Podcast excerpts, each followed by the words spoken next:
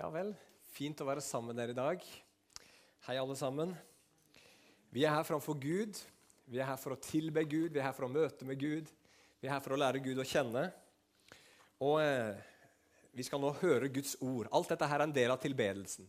Både når vi står og synger til Gud og uttrykker vår takknemlighet til Han, og når vi tar imot Hans ord, så er vi fortsatt i tilbedelse.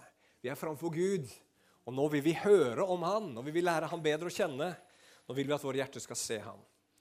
Eh, vi holder på i andre Mosebok, og jeg skal holde på med det ut nå august måned. Jeg har et par taler igjen derfra før vi da i 1. september skal begynne med Johannes' åpenbaring.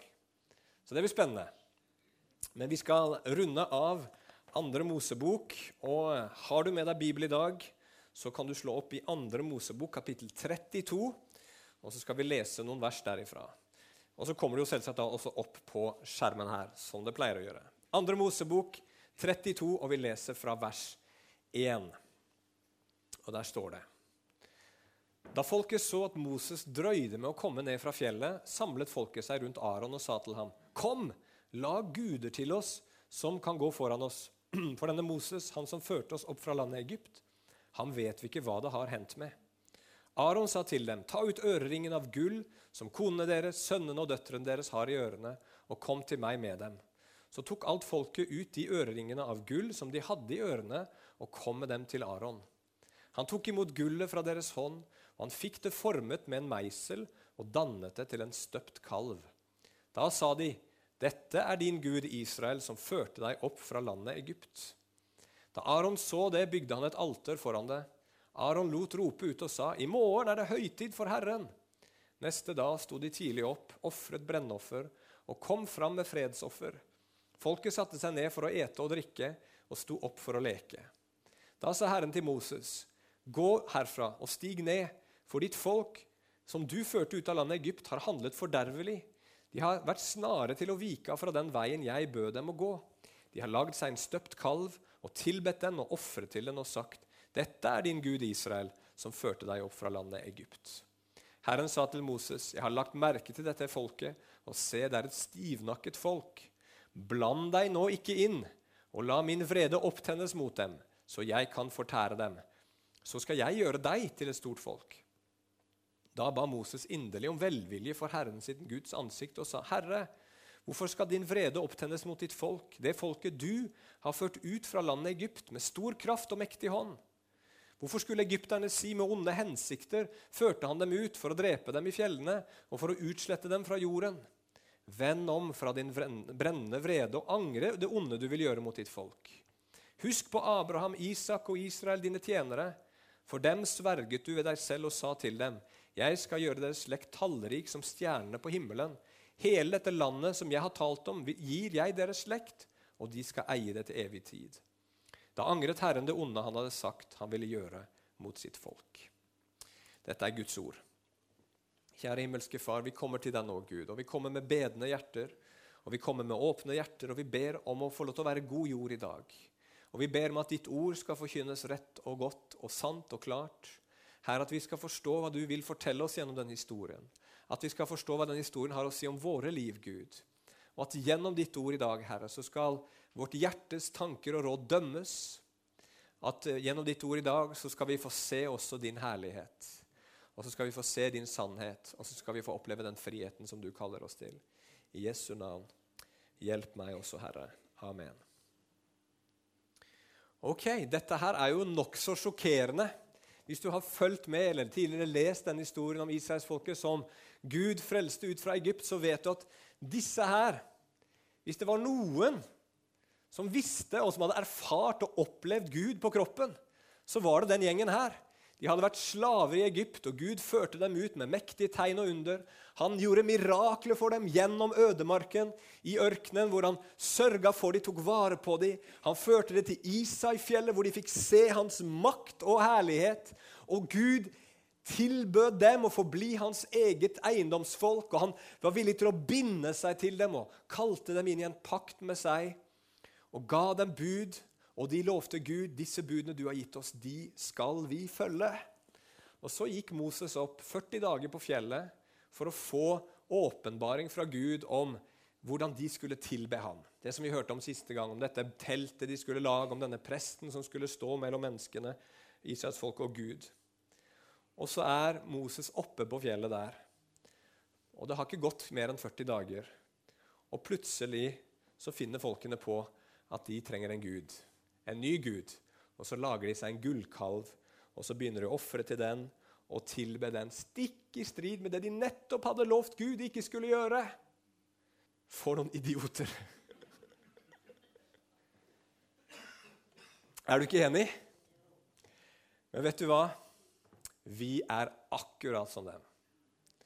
Og Når vi leser i Det nye testamentet, og bl.a. i 1. Korinterbrev, kapittel 10, så står det at dette, disse historiene om israelsfolket er skrevet til oss for at vi skal ta lærdom av det. Dette her handler om mer enn bare litt historiekunnskap om hva Gud gjorde i Det gamle testamentet.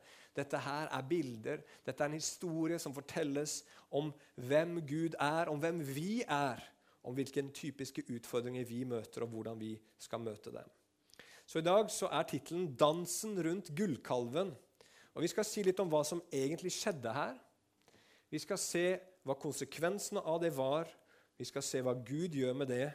Og så skal vi til slutt se hva vi kan praktisk gjøre ut ifra denne historien i våre liv. Hvordan kan vi anvende det vi lærer fra denne historien her i våre liv?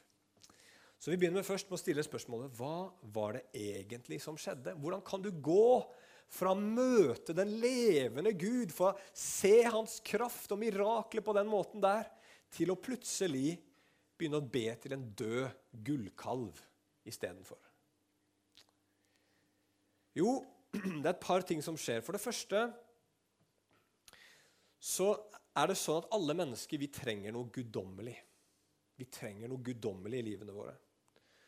Og da Moses han var på fjellet og han drøyde, så kommer denne store flokken til Aron. De er nok litt sånn truende, og de ber Aron å lage en gud eller guder til dem.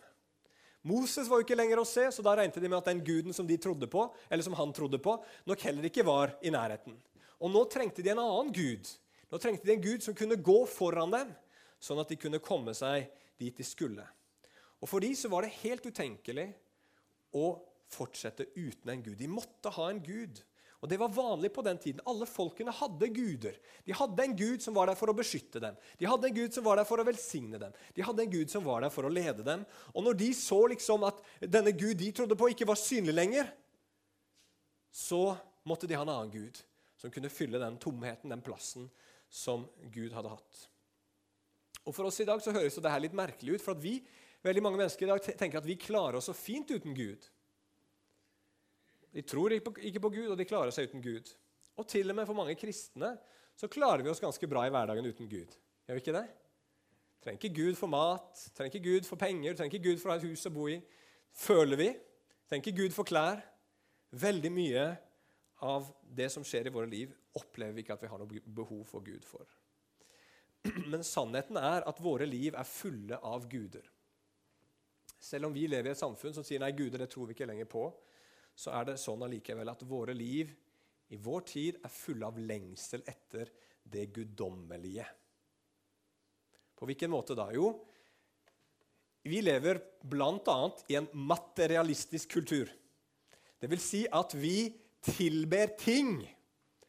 Hva, vi vet at kirkene er nokså tomme i helgene. Men hvor er det fullt i helgene? Jo, på kjøpesentrene. Ikke sant?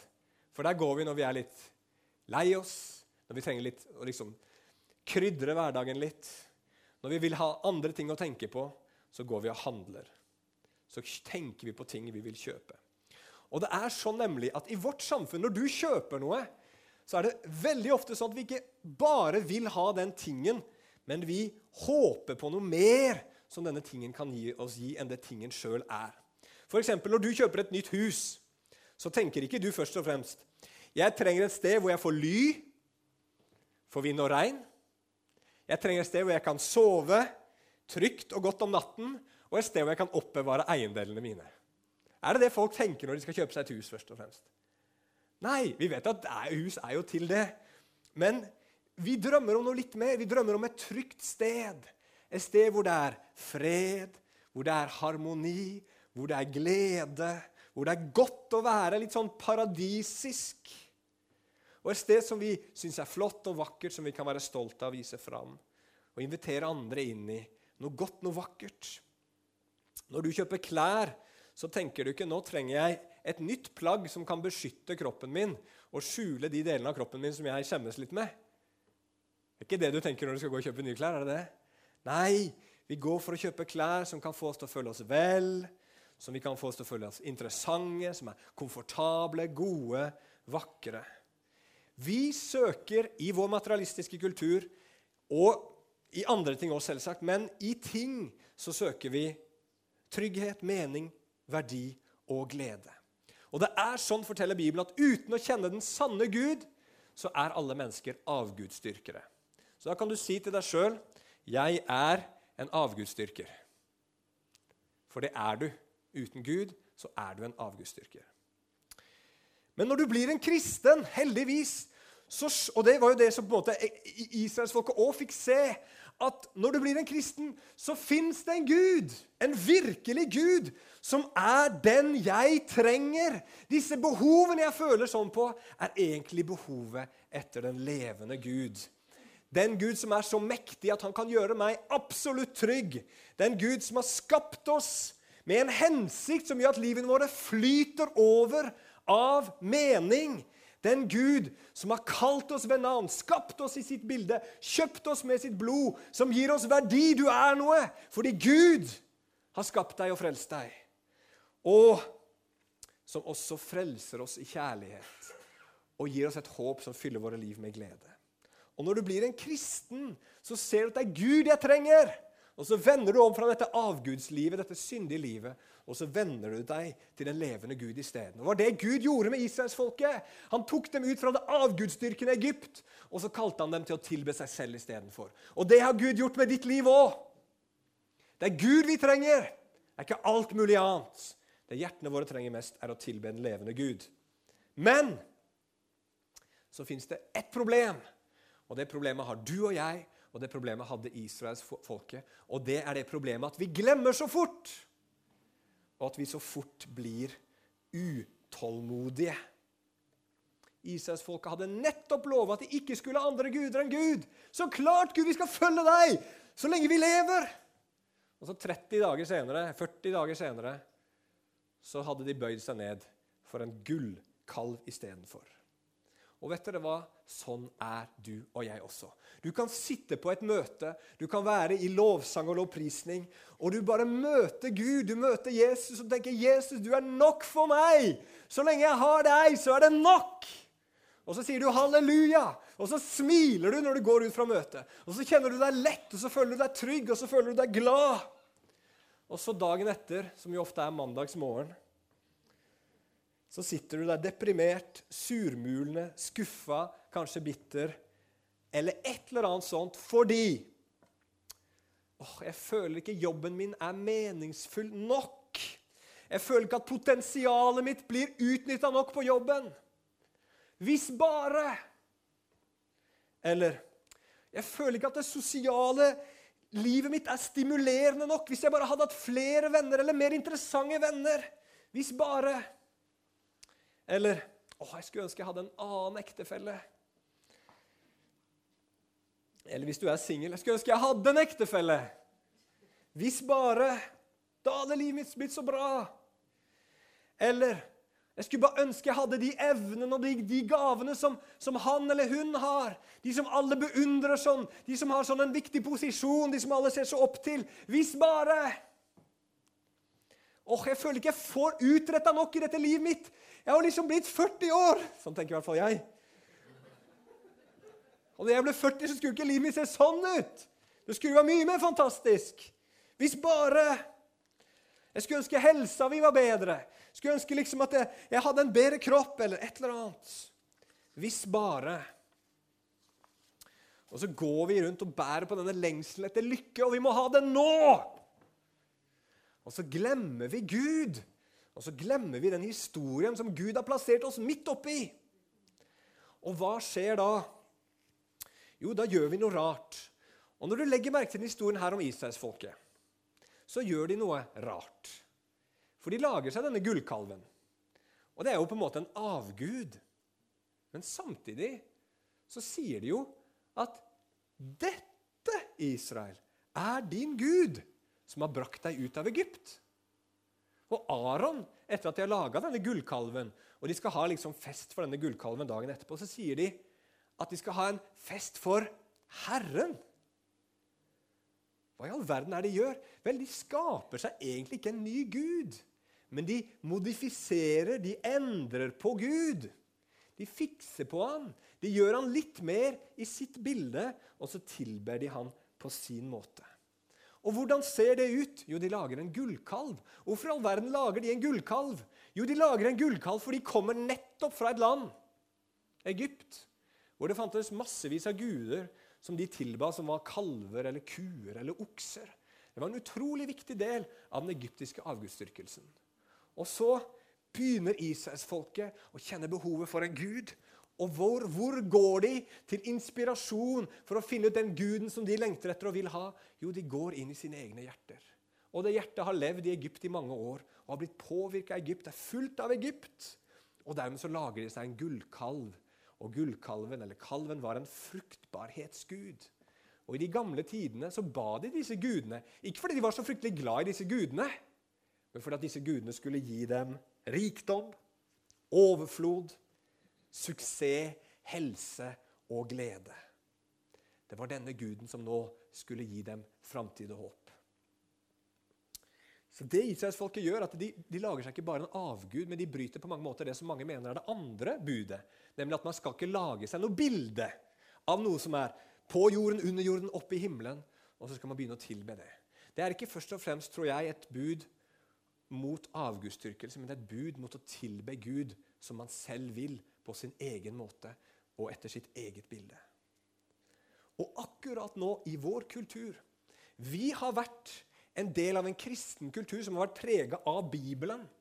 Sant? Den har prega måten vi tenker på som samfunn. Den har prega måten vi ser på mennesker på, ser på seksualitet på, ser på menneskets hensikt, ser på verdi, moral osv. osv. Men nå er vi på vei ut av det som samfunn. Og hva skjer med oss da, vi kristne? Jo, vi begynner også mer og mer å tilbe en Gud som ikke er den Gud som vi finner her inne, men som er en Gud som dukker opp i våre egne hjerter, og som er farga av den tiden og det stedet vi lever i. Og det, gjelder, det er ikke bare en fare for de liberale. Det er en fare også for oss som kaller oss konservative. Et eksempel på det var nylig en konservativ kristen, god, flott bror, forkynner, som jeg hørte. Skal ikke nevne navn, for det er ikke det som er poenget som ble konfrontert med at han, han begynte å, å, inngå en allianse med en gruppe kristne som har mye merkelig og en ganske ubibelsk lære. Og Han ble konfrontert med det. Og hva var svaret hans? Jo, han sa jammen, når jeg er sammen med disse, så føler jeg Guds nærvær. Og da må det jo være riktig. Da må det jo være bra. Det som er problemet vårt tror jeg, for veldig mange av oss i den kulturen vi lever i, og vi er alle sammen produkter av det, vi må passe oss, det at vi setter oss veldig lett ned og så kjenner vi hva føles godt. Får dette her med til å føle godt, ja, da må det jo være bra. Og så går vi ikke, og så spør vi ikke hva er det egentlig Bibelen sier. Og du vet, Det fine med Bibelen er at den inneholder jo mange ting som får deg til å føle godt. Gjør den ikke det? Er det ikke sånn noen ganger du setter deg ned med Bibelen og så leser et vers, sånn så føles det godt? Halleluja! Takk for de gode løftene du har gitt meg, Gud.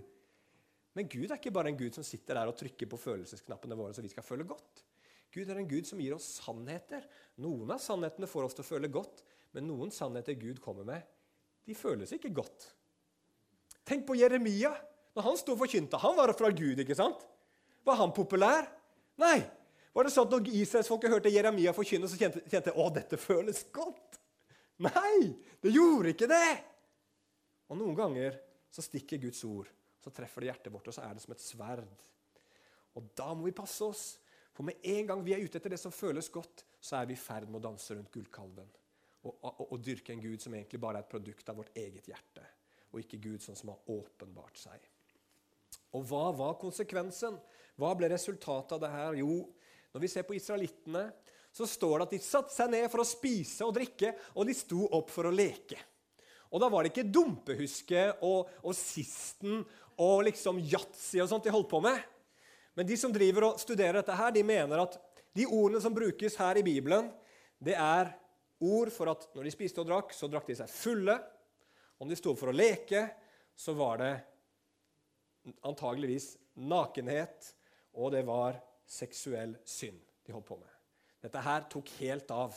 Dette her var ugudelighet.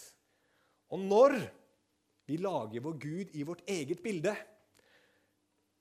så blir også hvordan det ser ut å leve for Gud etter vårt eget bilde. Når vi forvrenger bildet av Gud, så forvrenger vi også bildet av et hellig liv. Og historien er full av, av det. Av mennesker som skaper en Gud i sitt eget bilde, og så begynner de å leve liv som ikke er etter Guds ord. Et gammelt eksempel på det er gnostikerne. Hvor mange har hørt om gnostikerne her? Gnostikerne de var kjempeåndelige. Og de var så åndelige at til slutt så sa de nei, vi tror ikke at egentlig at Gud har skapt alt det fysiske. Så de var nesten motsatt av hvordan vi er nå. Gud kan ikke ha skapt alt det fysiske. Nei, Gud han er bare ånd. Og Det hørtes jo kjempeåndelig ut. De her må jo være superåndelige. De var sikkert de mest åndelige og hellige menneskene som fantes. Vet du hva som skjedde med de? De begynte å leve i seksuell synd. Fordi de sa nei, det vi gjør med kroppen, er ikke så farlig. Det er bare det vi gjør med vår ånd, som er viktig. De fikk et galt bilde av Gud, og med en gang så resulterte det i et galt liv. Og Det fins masse eksempler på det i dag, men jeg skal ikke komme inn på det, for da kommer jeg til å tale altfor lenge. Men med en gang vi får et feil bilde av Gud, så fører det til andre synder. Med en gang vi byter, byter de første budene på lovtavlen Du skal ikke andre guder enn meg, og du skal ikke tilbe et bilde du sjøl har lagd med dine egne hender. Så begynner vi etter hvert å bryte de budene som kommer etterpå også. Og det som skjer da, er ikke bare at det blir synd i våre liv, men det vekker Guds vrede, står det her. Moses han er oppe på fjellet. Og så gir Gud en rapport om hva som skjer i leiren. At her er det avgudsdyrkelse og ugudelighet. Og så forteller Gud at hans vrede er tent opp, og at han har tenkt å utslette dem. Og hva er Guds vrede? Vel, Det er et ord i Bibelen som veldig lett kan misoppfattes. Og vi liksom kan tenke at Gud, nå ble Gud skikkelig hissig og frustrert. Og, og liksom utagerende. Sånn, sånn som noen av oss fedre kan bli noen ganger når vi blir litt frustrerte liksom Gud sier nei, 'Jeg liker ikke hva de holder på med. Nå skal de få brenne.' Ikke sant? Nei, Guds vrede i Bibelen det er noe helt annet. Det er Guds hellige og rettmessige reaksjon på synd. Er, Gud er en Gud som ikke tolererer synd. Han er en Gud som hater synd. Og han er en Gud som i sin rettferdighet, godhet, kjærlighet, skjønnhet må dømme synd. Han kan ikke la være. Han kan ikke velge deg bort. Han må reagere. For sånn er han. Og hadde han ikke reagert, så hadde han ikke vært god. Han må dømme, og Bibelen sier så klart og så tydelig at syndens lønn er døden.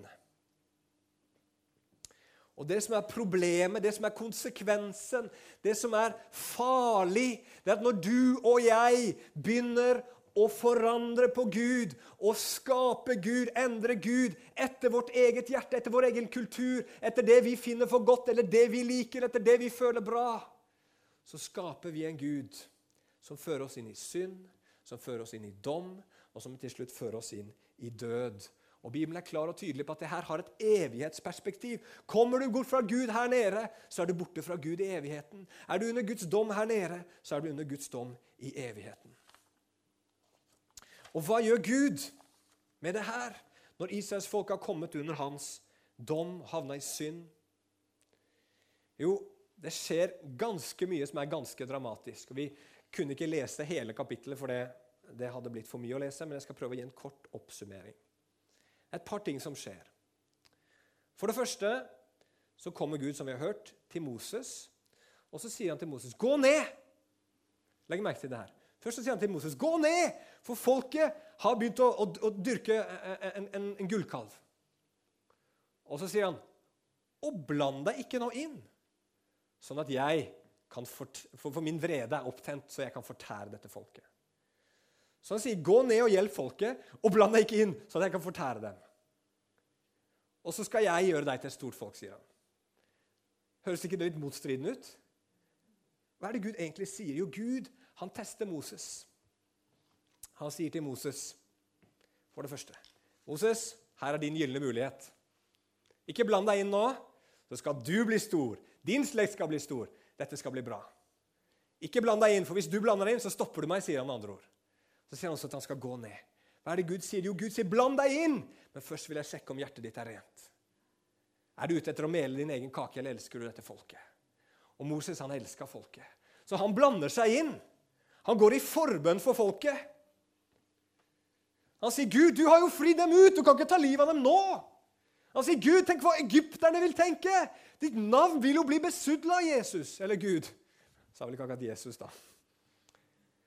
Og så sier han, 'Gud, du lovte jo Abraham, du lovte jo Isak, du lovte jo Jakob at du skulle føre dem inn i dette landet her.' Og så står det noe veldig rart. Da angra Gud det onde. Det er to ting der. Angra Gud, og var det noe ondt Gud ville gjøre? Og Det kan så lett misforstås, men det handler bare om at det Gud ønska, det var at han ville spare dette folket. Ikke fra en ond dom, men fra en vond dom.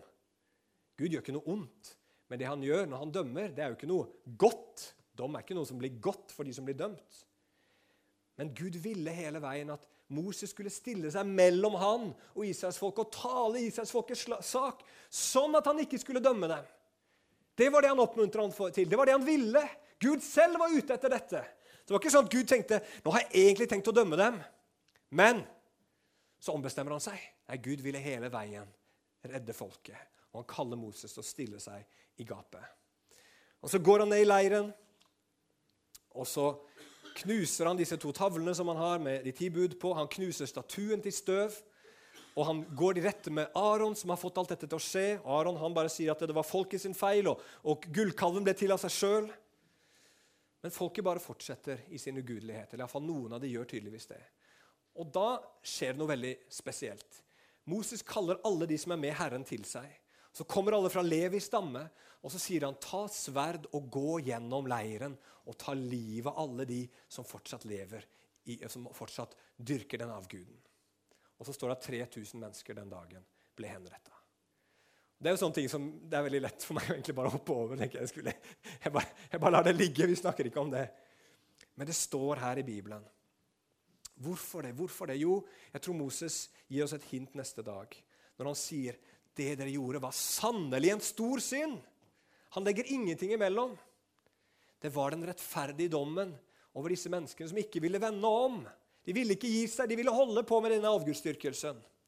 Og så tror jeg også det var et middel til å begrense ondskapen. Stoppe den, for disse her ville ikke gi opp. De ville ikke slippe denne avguden, og da måtte Gud si stopp. Og så måtte han eh, sette foten ned, og de måtte dømmes. Men så sier han dette var en stor synd, dette var alvorlig, men nå skal jeg gå opp til Herren, og kanskje jeg kan få soning for dere. Og Så prøver Moses framfor Herren. Så sier han, Gud, det var en stor synd, det er helt sant, men du må tilgi dette folket. Hvis ikke så må du bare slette mitt navn ut av den boken som du har skrevet. Og den boken han refererer til, er jo ikke Bibelen, men det er til livets bok. Den boka hvor navnet på alle de som tilhører Gud, som er Guds barn, som er frelst, de står. Men Gud går ikke med på den handelen. Han sier nei, den som har synda, skal jeg stryke ut av livets bok. Og så sender han en del plager over folket pga. deres synd. Hva ser vi her? Jo, Gud han sender Moses for å gjøre noe. Han sender Moses for å gjøre noe med dette problemet med synd, med avgudsdyrkelse, som Israelsfolket har. Med deres hjerter, at de har blitt avgudsdyrket. Han, han må stoppe dem, og så må han også gjøre noe med konsekvensene. Men så ser vi at Moses er ikke fullt ut i stand til det. Han kan ikke virkelig forandre hjertene deres. Han kan ikke heller gi dem den tilgivelsen de trenger. Og det forklarer Bibelen fordi at Moses han er bare en forløper. Vi trenger en som er større enn Moses. Hvem er det som kan hjelpe oss? Vi trenger en som elsker oss mer enn Moses, med et rent og fullkomment hjerte som kan stille seg mellom oss og Gud og tale vår sak. Vi trenger en som kan gå ned midt iblant oss og seire over syndens makt iblant oss. Vi trenger en som ikke tar lett på synden, ikke forminsker den, men som er i stand til å ta straffen og konsekvensen for vår synd, sånn at vi skal kunne gå fri. Vi trenger én Jesus Kristus. Den eneste som er i stand til det. Vi trenger evangeliet. Han tok vår synd. Han stilte seg i vårt sted. Han sa til Gud, 'Ta mitt liv i stedet.' Og Gud sa ikke som til Moses, 'Nei, det går ikke.' Gud sa, 'Ja, du kan dø i deres sted.' Han godtok byttet. Når Jesus kom inn her i verden, så forteller det at han kom for å ta livet av oss. Det står det i Bibelen. Han kom for at vi skulle dø med han. Ikke fysisk, men at synderen i deg og meg skulle dø ved at vi døde med Jesus på korset. Ikke for at vi bare skulle dø, men for at vi skulle stå opp igjen og få et nytt liv med han og leve et annerledes liv. Jesus kom ikke bare for å ta over konsekvensen av vår synd, men han kom for å gi oss nye hjerter i tillegg. Og Jesus kom for å gi oss en enda rikere og herligere historie som du og jeg kan leve i, enn den som israelsfolket hadde. De glemte sin historie. Og Gud svarer med å gi oss en enda bedre historie.